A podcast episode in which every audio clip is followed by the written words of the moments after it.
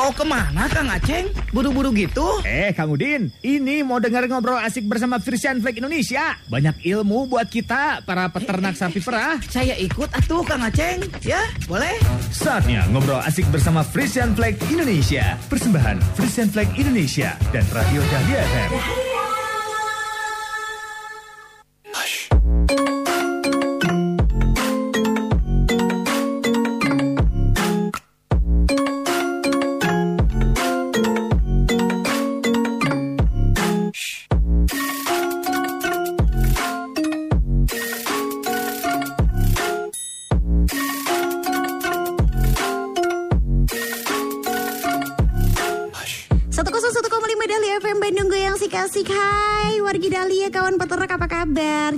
Ketemu lagi sama baby Alia ya di malam hari ini Hari Jumat di dua minggu sekali ada baby Alia. Udah pasti ada acara Radio Bora Frisian Flag Indonesia. Ih kangen deh sama kawan peternak semuanya. Apa kabarnya nih? Kawan peternak yang ada di Lembang, Pangalengan, di Jawa Timur, Jawa Tengah juga. Yang lagi pada pantengin via radio ataupun via live streaming di Facebooknya 1015 Dahlia FM dan juga via Instagramnya 1015 Dahlia FM ya. Apa kabarnya sayang cinta baby? Mudah-mudahan sehat semuanya, produksi, produksi susunya juga terus meningkat dan pastinya diberikan kesehatan selalu semuanya ya. Dan pastinya perlu diketahui juga ya, program Radio Bawara ini adalah salah satu program pengembangan peternakan sapi perah Frisian Flag Indonesia di mana program ini tuh membantu setiap peternak untuk memperoleh pengetahuan, terus juga mendapatkan pendidikan dan juga bantuan informasi agar susu yang dihasilkan dari ternaknya ini bisa lebih banyak dan juga berkualitas baik. Karena harus ingat, susu yang berkualitas berarti peternak dan juga keluarganya sejahtera. Nah, malam ini kita akan membahas satu topik yang sangat berbeda sekali dan mungkin ini sering seliweran eh, terdengar di telinganya kawan peternak semua ya mengenai zoonosis. Makhluk apa itu Baby Alia? Apa hubungannya sama peternakan sapi perah ya? Untuk itu Baby Alia nggak sendirian. Malam ini ditemenin sama narasumber. Tapi sebelumnya Baby Alia juga undang untuk uh, kawan peternak semua yang mau mengirimkan pertanyaan seputar peternakan, terutama seputar tema kita malam ini. Boleh langsung WhatsApp di 0811 222 1015 dan nanti di akhir acara juga kita akan ada kuis untuk warga Dahlia dan juga kawan peternak semuanya ya. Kita sudah terhubung juga dengan narasumber kita nih masih via telepon untuk malam hari ini ya. Ini ada Kang Rikrik Muhammad Rizky selaku DDP Quality Manager PT Frisian Tech Indonesia. Halo, Assalamualaikum Kang Rikrik. Assalamualaikum, Waalaikumsalam. Mhm, sehat Kang Rikrik? Alhamdulillah. baik. Alhamdulillah. Lagi di daerah Bandung ini Kang Rikrik malam ini? Betul di daerah Bandung. Mhm, siap lagi hujan-hujan boleh disapa dulu nih kawan peternaknya Kang Rikrik mangga. Jauh ya jeng wengi, eh, jeng ternak. Am- eh, ketemu lagi, eh, saya lupa harus bahasa Indonesia. ya. Mhm. Ketemu lagi di radio Bewara Christian Flag, di radio Dahlia Bandung. Mudah-mudahan tema malam ini juga membawa pengetahuan baru ya buat teman-teman peternak di Jawa Barat maupun di mana pun berada. Gitu. Mhm, amin amin amin amin ya. Oke, Kang Rikrik eh, sebelum nanti kita perkenalkan narasumber yang kedua karena lagi mencari posisi terbaik dulu untuk signal ya. Eh, untuk itu malam ini kita bahas dulu seputar temanya ini mengenai zoonosis. Benar penyebutannya seperti itu atau zoonosis? Kang Ya Rikrik. zono, zoonosis. Oh, zoonosis. Oke, zoonosis. Ini kawan peternak pada penasaran semuanya. Sebetulnya makhluk apa sih zoonosis ini dan kenapa sangat penting sekali untuk diangkat eh, temanya di Radio Bora Frisian Flag? Apa hubungannya dengan kawan peternak semuanya, Kang Rikrik? Ya, secara ilmu pengetahuan nanti dokter hewan Taufik akan menjelaskan ya. Tetapi sederhananya zoonosis itu adalah eh, penyakit yang dapat menular dari hewan ke manusia. Mhm. Hewan apa pun ya gitu. Nah, Hmm. pertanyaannya tadi kenapa malam ini kita bahas ini gitu kan? Iya. Memang belum pernah kita membahas mengenai zoonosis, tetapi juga perlu eh, kita ketahui bersama sebagai peternak bahwa sehari-hari be- bergelut dengan binatang ya, Mhm. sehingga potensinya ada ke arah eh, penularan dari hewan ke manusia, tetapi juga eh, dengan kita tahu kita minimal bisa mencegah lah ya gitu. Mhm. Dan yang umumnya itu apa aja sih zoonosis terutama di sapi perah? gitu. Karena banyak zoonosis itu dari hewan lain juga banyak teh gitu. Kayak rabies misalkan itu juga zoonosis gitu. Oke, oke berarti ini bisa dibilang tema kita malam ini untuk meningkatkan kewaspadaan kawan peternak semua, apalagi sehari-hari bertemu dengan sapi ternak gitu ya. Ya betul. Oke, sapi perah maksudnya. Oke, jangan ke mana-mana kalau gitu nanti kita akan bahas tuntas bersama dokter hewan M Taufik ya. Sebentar lagi kita akan bahas, tapi sebelumnya kita akan dengarkan terlebih dahulu. Ini ada mini drama terlebih dahulu persembahan dari Frisian Flag Indonesia. Jangan ke mana-mana kawan peternak, kita dengerin dulu mini, dam, mini drama yang satu ini. 101,5 Dahlia FM. Dahlia FM. Dahlia FM. Radio nomor satu di Bandung. Wah, gak nyangka ya Kang. Ternyata ada ya penyakit dari sapi yang bisa nularin ke manusia. Hah? Masa sih, Kang? Gak mungkin ah. Masa sapi nularin ke manusia sih? Itu kan di TV baru diberitain Kang. Ada peternak yang ketularan penyakit dari ternaknya. Masa berita di TV bohong Kang? Ya, mungkin aja sih. Atau beritanya belum tuntas tuh, Kang. Kan katanya masih akan ada penyelidikan lebih lanjut. Tapi kalau saya pribadi mah nggak percaya Kang. Tapi kalau dipikir-pikir lagi, mungkin aja sih Kang. Banyak kok penyakit manusia yang ditularinnya dari hewan. Hmm. Mungkin aja kan Kang? Biar pasti ini mah ya. Kita tanya ke Pak Yuda yuk. Itu tuh Keswan dari koperasi yang biasa kasih penyuluhan. Kebetulan dia memang mau ke kandang hari ini Kang. Mau cek kondisi sapi-sapi saya buat rencana IB Kang. Nanti kita tanyain sekalian ya Kang soal zoonosis ini. Oh gitu? Oke atuh. Kita tunggu beliau. Assalamualaikum Kang Ridwan. Waalaikumsalam Pak. Eh, ada Kang Tono juga. Lagi ngopi santai nih. Kumaha Daman? Silakan masuk Pak. Hayo tuh ngopi dulu sebelum ke kandang. Sekalian ada yang mau kita tanyain nih Kang. Iya atuh Pak. Ngopi dulu sambil ngobrol. Kebetulan kita tadi teh berdebat soal zoonosis. Tadi ada berita di TV. Katanya ada peternak sapi perah yang ketularan penyakit dari sapi ternaknya. Itu teh berita benar, Pak? Betul, Kang. Sapi perah juga bisa menularkan penyakit ke manusia. Nama istilahnya mah zoonosis, Kang. Atau dengan kata lain, zoonosis adalah penyakit hewan yang bisa menularkan penyakit ke manusia, Kang. Oh, gitu ya, Pak. Wah, bahaya juga ya. Mm-mm. Ya, kita mah memang perlu waspada sih. Harus dicermati gejala-gejalanya sehingga kita bisa menghindari potensinya, Kang. Oh, jadi yang terpenting kita waspada dan selalu berhati-hati terhadap gejala dan potensi kejadiannya. Betul, Pak? Betul, Kang. Nah, Akang berdua harus lebih waspada ya, Kang. Untuk ke depannya ini mas. Siap, Pak. Tolong bantu kita ya, Pak. Siap, Kang. Insya Allah kita jangan sampai kena ya. 25 jam non-stop 25 jam non-stop 25 jam non-stop. Panteng Radio, Panteng Dahlia. Emang aya 25 jam sapoe? Ya, ya. Ya aya tuh.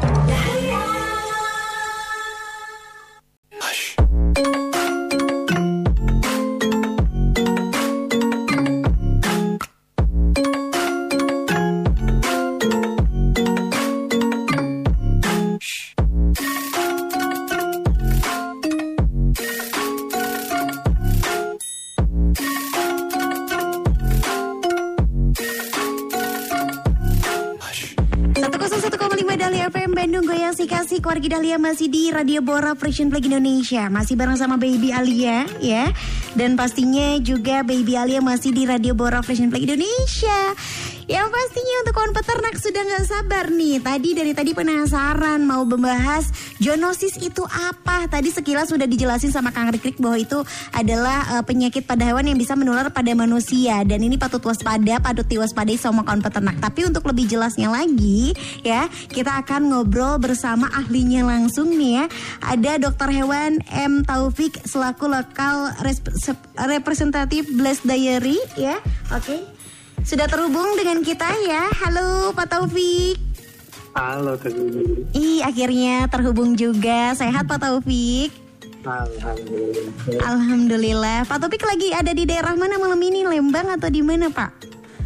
Lagi di Jatinangor. Oh, lagi di Jatinangor. Boleh nih Pak Taufik ya, disapa dulu kawan peternak semuanya lagi pada pantengin malam ini, Pak. Selamat malam. Assalamualaikum.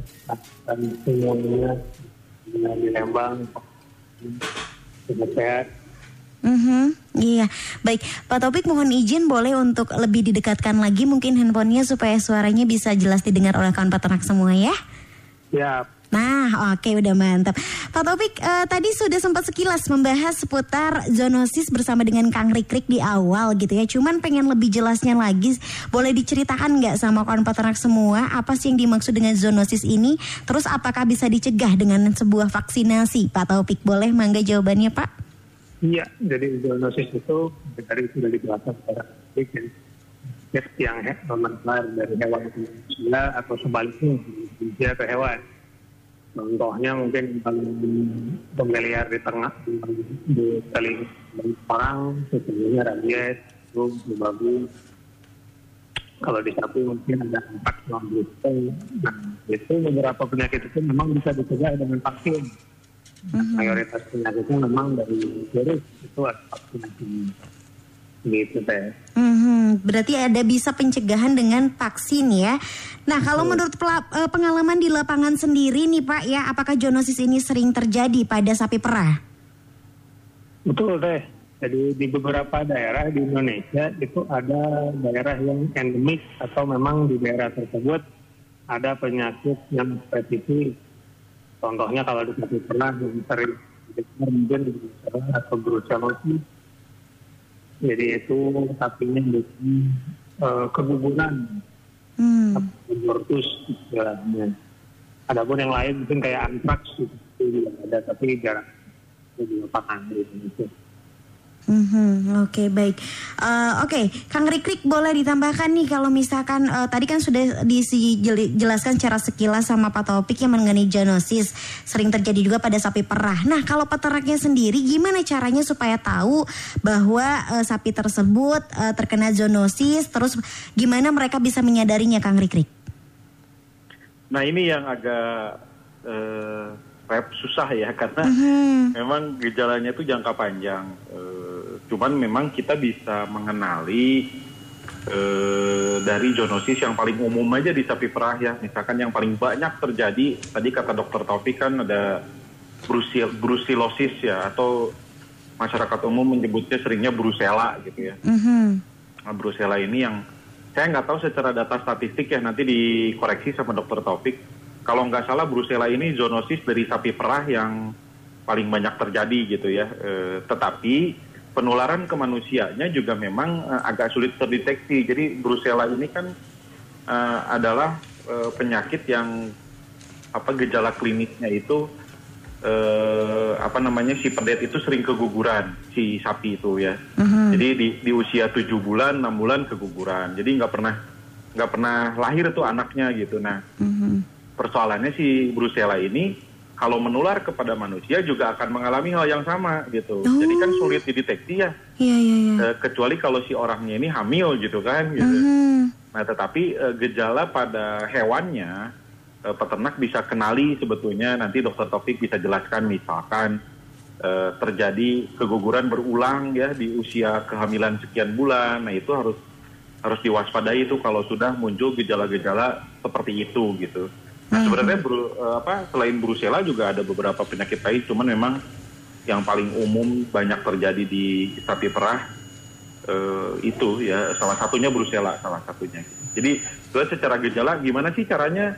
Ya memang agak agak agak tidak mudah ya mengenali gejala secara langsung penyakit-penyakit yang termasuk dalam golongan zoonosis dari sapi perah gitu. Kan penyakit itu banyak ya, ada yang zoonosis, ada yang tidak. Kalau yang tidak misalkan mastitis itu peternak udah paham lah gejalanya Iya. gitu. Tapi kalau ada yang zoonosis, salah satunya brucella, ini juga tidak mudah untuk mendeteksi. Oh ini zoonosis gitu, tidak mudah gitu. Nanti mungkin dokter Tevik bisa jelaskan lebih spesifik. Oke, Pak Topik menyambung dari jawaban Kang Rikrik, boleh mungkin dijelaskan lagi secara detail ap- apa yang bisa dideteksi sejak dini sama kawan peternak kalau ternaknya itu terkena zoonosis, Pak?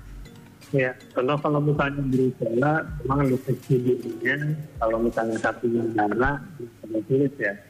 Cuman ketika misalnya peternak punya sapi dengan riwayat pernah keguguran atau abortus di usia kebuntingan 5 sampai 7 bulan, itu patut dicurigai bahwa sapinya pernah um, atau terinfeksi Brucella.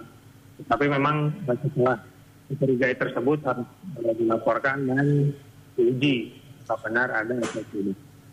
Mhm. Gitu. Oke baik, kalau terhadap produksi susu atau kualitas susu yang dihasilkan, apakah berpengaruh juga zoonosis ini Pak?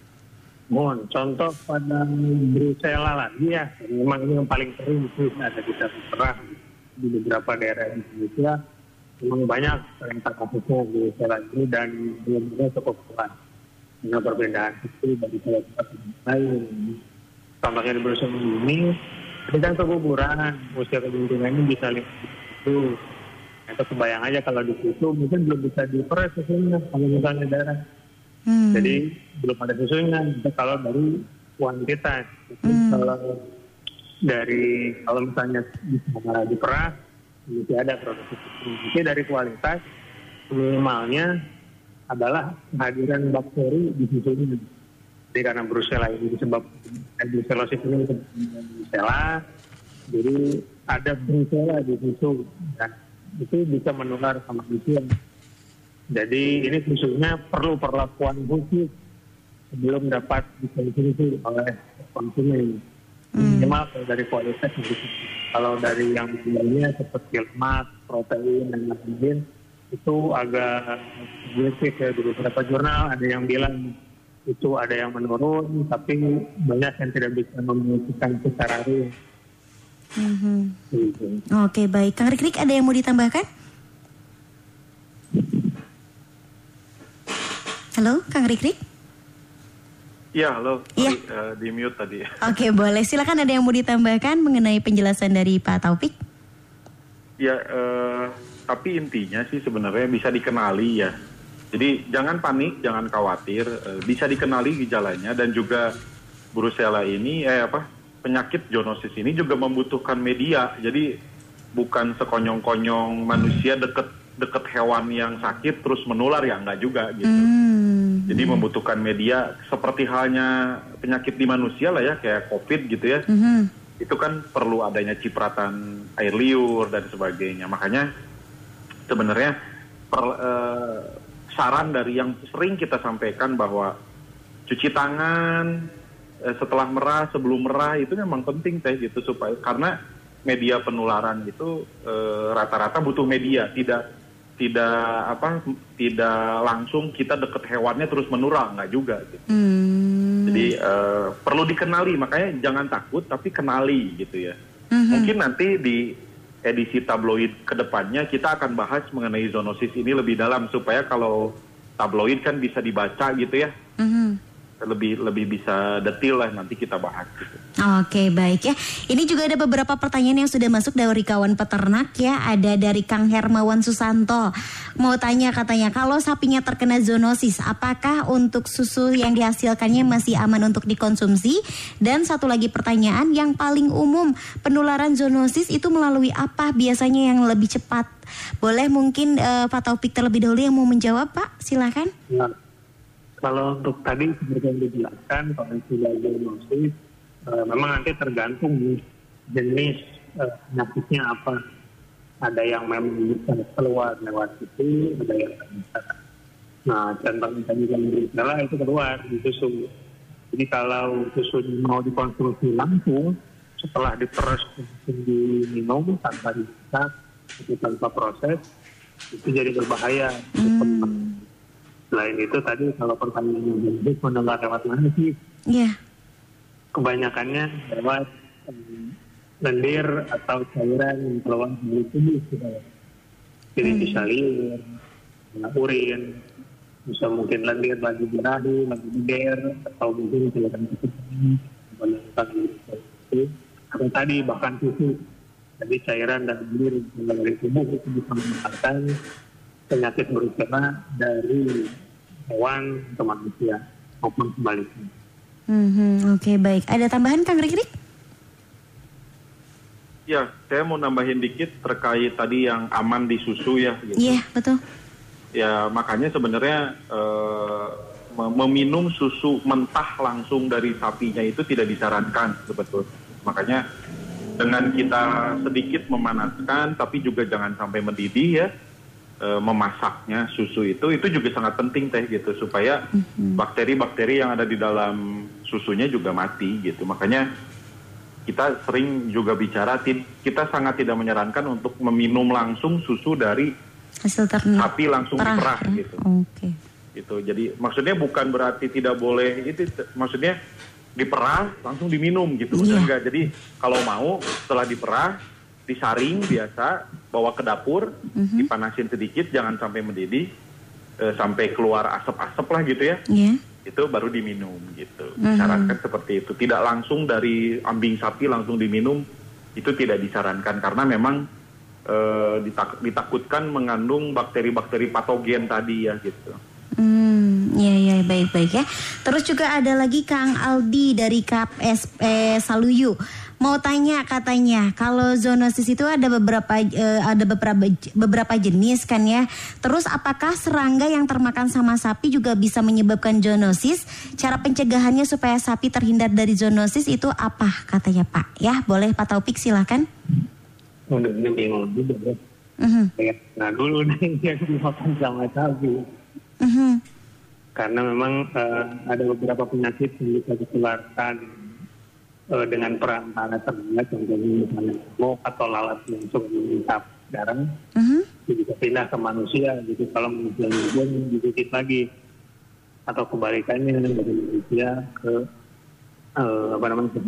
Tapi eh, lebih banyak memang dari nanti sih dari serangga. Gitu. Untuk menghindarinya memang kita yang berhati-hati terhadap apa yang kita keluarkan, kedir, itu yang paling sering pertama. Dengan hewan, itu nanti yang lain. mhm. Oke baik. Ada tambahan Kang Rikrik? Cekap, cekap deh. Cekap ya. Oke, baik. eh, ini juga sama rata-rata pertanyaannya hampir banyak yang bertanya. Cuman rata-rata pertanyaannya adalah cara mengenali eh, awal-awal ketika sapi terkena zoonosis seperti apa. Dan pastinya tadi udah beberapa dijelaskan sama Pak Taufik dan juga Kang Rikrik. Nanti kita akan bahas lagi ya mengenai zoonosis ini. Jadi kawan peternak jangan ke mana-mana. Nanti juga kita akan ada kuis ya. Jadi tetap di Radio Bawara Fresh and Flake Indonesia. Masih bareng sama Baby Alia, Pak Dr. Taufik dan juga Kang Rikrik ya. Untuk wargi Dahlia juga yang mau ikutan kuis boleh banget ya di 7311710 ya. Boleh langsung aja telepon ya. Pertanyaan ini gampang banget. Nanti bakal dibantu jawabannya sama eh, Pak Rikrik ya. Ada siapa ini? Halo, Radio Buara Fresh Flag. Halo malam sama siapa nih? Sama Nur Inui, Beb. Tenui. Dari Ciparai. Tenui Inui siap dari Ciparai pertanyaannya gampang banget dari tadi udah nyimak dong ya. Iya, insya Allah, Iya. Coba jelasin sedikit aja apa yang dimaksud dengan zoonosis dan apa eh, yang terjadi pada sapi perah kalau terkena zoonosis yang tadi udah dijelasin sama Pak Taufik. Iya, Beb. Eh, zoonosis penyakit yang dapat menular dari hewan ke manusia. Mhm. Dan eh, ininya si pendek sapi bisa sering keguguran gitu, Beb. Ah, keguguran. kita- Iya, Mhm. betul. Karuron gitu ya. Saluran. gimana gimana Kang Rikrik bener nggak tuh betul jawabannya Kang? Eh, saya betulkan saja lah. Saya betulkan saja. Mhm. Zoonosis itu bukan penyakit yang menyebabkan keguguran, bukan. Bukan ya. Tapi penyakit yang menyebabkan keguguran adalah bagian dari zoonosis gitu. Oke, baik. Terima kasih Teno ya. Hadiahnya dikasih nih dari Frisian Flag. Silakan diambil ke Radio Dahlia di jam kerja Teno ya. Oke, dan pastinya juga warga Dahlia kawan peternak eh, ada informasi sedikit nih ya. Kalau sapi perah yang terkena zoonosis ini pasti akan berdampak pada kualitas dan juga produktivitas susu perah yang dihasilkannya ya. Tidak hanya beresiko ikut tertular juga, peternak juga bisa mengalami kerugian yang cukup besar. Setuju dengan pernyataan ini Kang Rikrik? Setuju pada akhirnya jangka panjangnya akan mengalami eh, kerugian lah ya. Mhm, mhm. Oke baik. Ada ini nggak Kang Rikrik tips sederhana nih yang bisa disampaikan untuk peternak semua agar mereka bisa mencegah atau bisa menyembuhkan zoonosis ini, Kang? Kalau menyembuhkan itu domainnya dokter hewan ya. Beb. Bahkan mungkin ada beberapa zoonosis yang tidak bisa disembuhkan juga gitu. Mhm. Jadi ada beberapa zoonosis yang kalau terkena ke sapi, sapinya harus diakhir, ada gitu. Hmm. Harus di harus dipotong lah ya gitu ya. Mhm. Harus dipotong gitu. Nah, itu untuk untuk pengobatan sebenarnya lebih ke arah eh, ranahnya dokter hewan.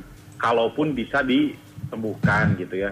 Tapi yang tadi saya bilang ada ada ada banyak juga zoonosis yang tidak bisa disembuhkan. Nah, kalau pencegahan saya rasa peternak untuk saat ini ya eh, satu cari informasi sebanyak-banyaknya gitu ya apa itu zoonosis dan terutama di sapi perah ini zoonosis apa yang paling sering terjadi salah satunya tadi brucella atau apalagi gitu. Mhm. terus kedua eh, mayoritas penyakit gitu ya yang bisa menularkan ke manusia atau ke sesama hewan itu biasanya memerlukan media teh.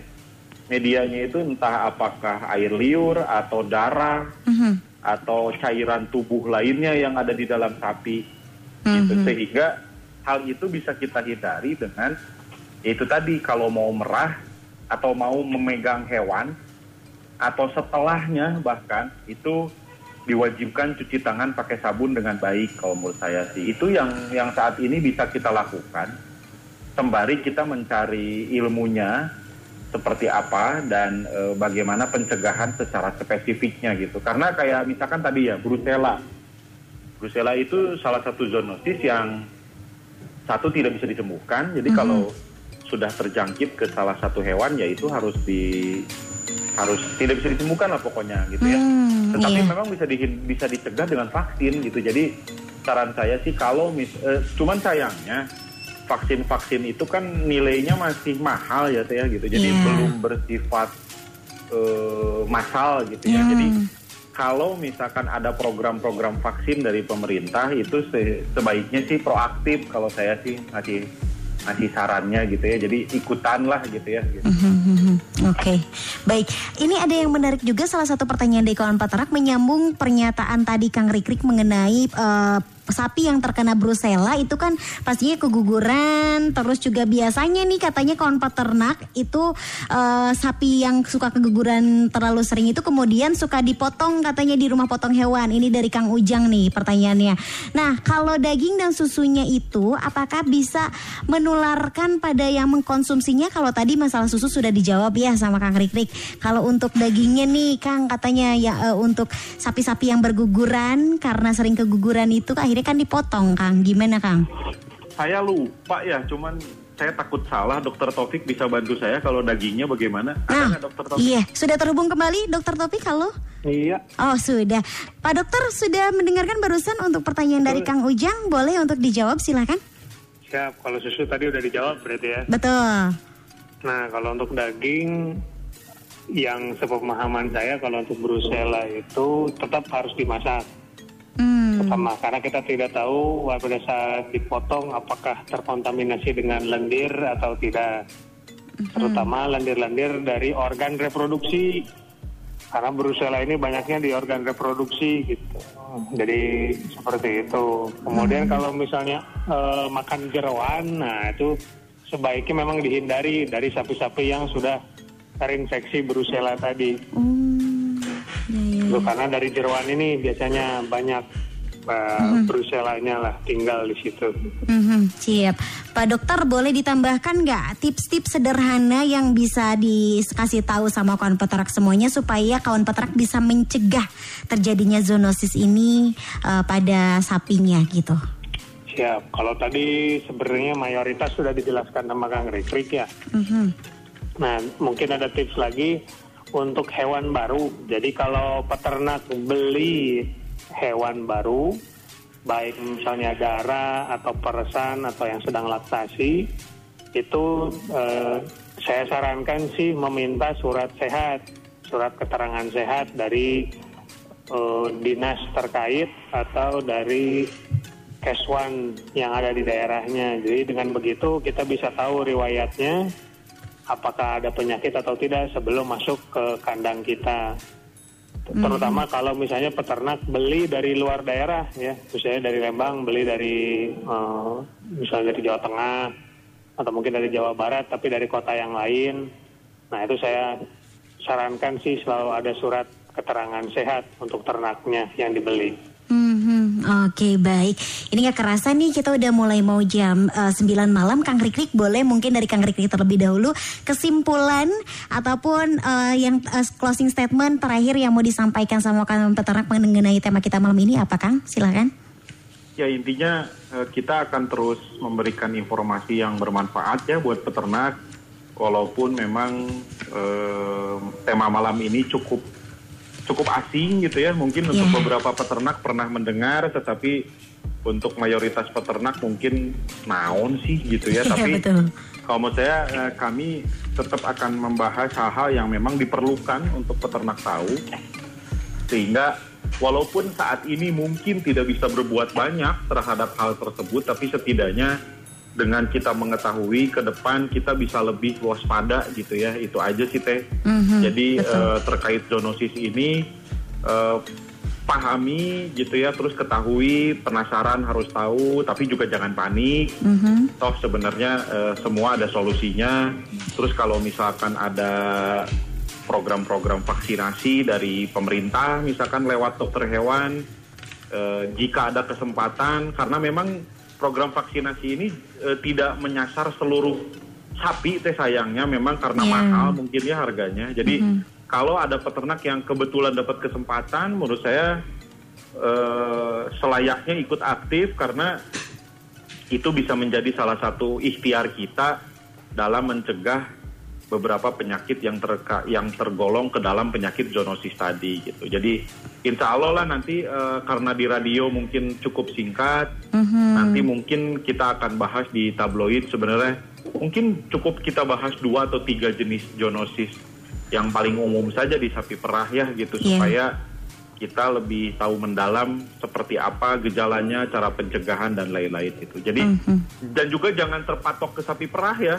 Zoonosis itu intinya dari hewan. Jadi dari kucing, dari anjing itu juga ada zoonosisnya. Jadi jangan jangan wah sapi perah we disalahin gitu ya. Enggak gitu.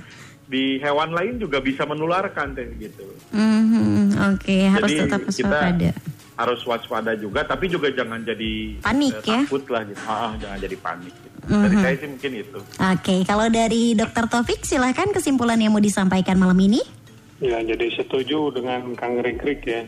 Jadi zoonosis ini seperti pengertiannya dari hewan ke manusia. Jadi nggak cuma sapi saja, banyak hewan sebenarnya yang bisa menularkan penyakitnya. Jadi yang pertama mungkin sama seperti Kang Rikrik menambah informasi, belajar tentang zoonosis. Terutama kalau sekarang sih di internet biasanya di dinas-dinas di daerahnya itu sudah mencantumkan di websitenya penyakit apa saja sih yang zoonosis yang ada di daerah tersebut. Nah itu bisa dipelajari itu penyakitnya apa saja, bagaimana gejalanya, hewan apa yang bisa menularkan ke manusia, bagaimana cara menularkannya, itu biasanya ada di situ.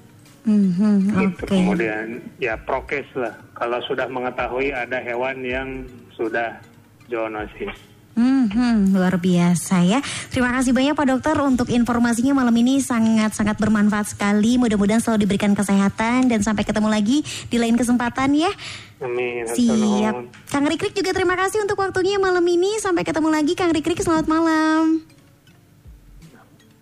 Malam. Malam, Assalamualaikum warahmatullahi wabarakatuh. Waalaikumsalam warahmatullahi wabarakatuh. Itu dia kawan peternak tadi ya obrolan singkat, padat dan jelas dari Pak Dokter Taufik dan juga Kang Rikrik ya yang pastinya mudah-mudahan informasi yang disampaikan oleh seluruh narasumber ini bisa bermanfaat dan diterima dengan baik untuk kawan peternak semuanya ya. Semua hal yang disampaikan oleh narasumber ini telah dilakukan oleh banyak peternak dengan hasil yang baik.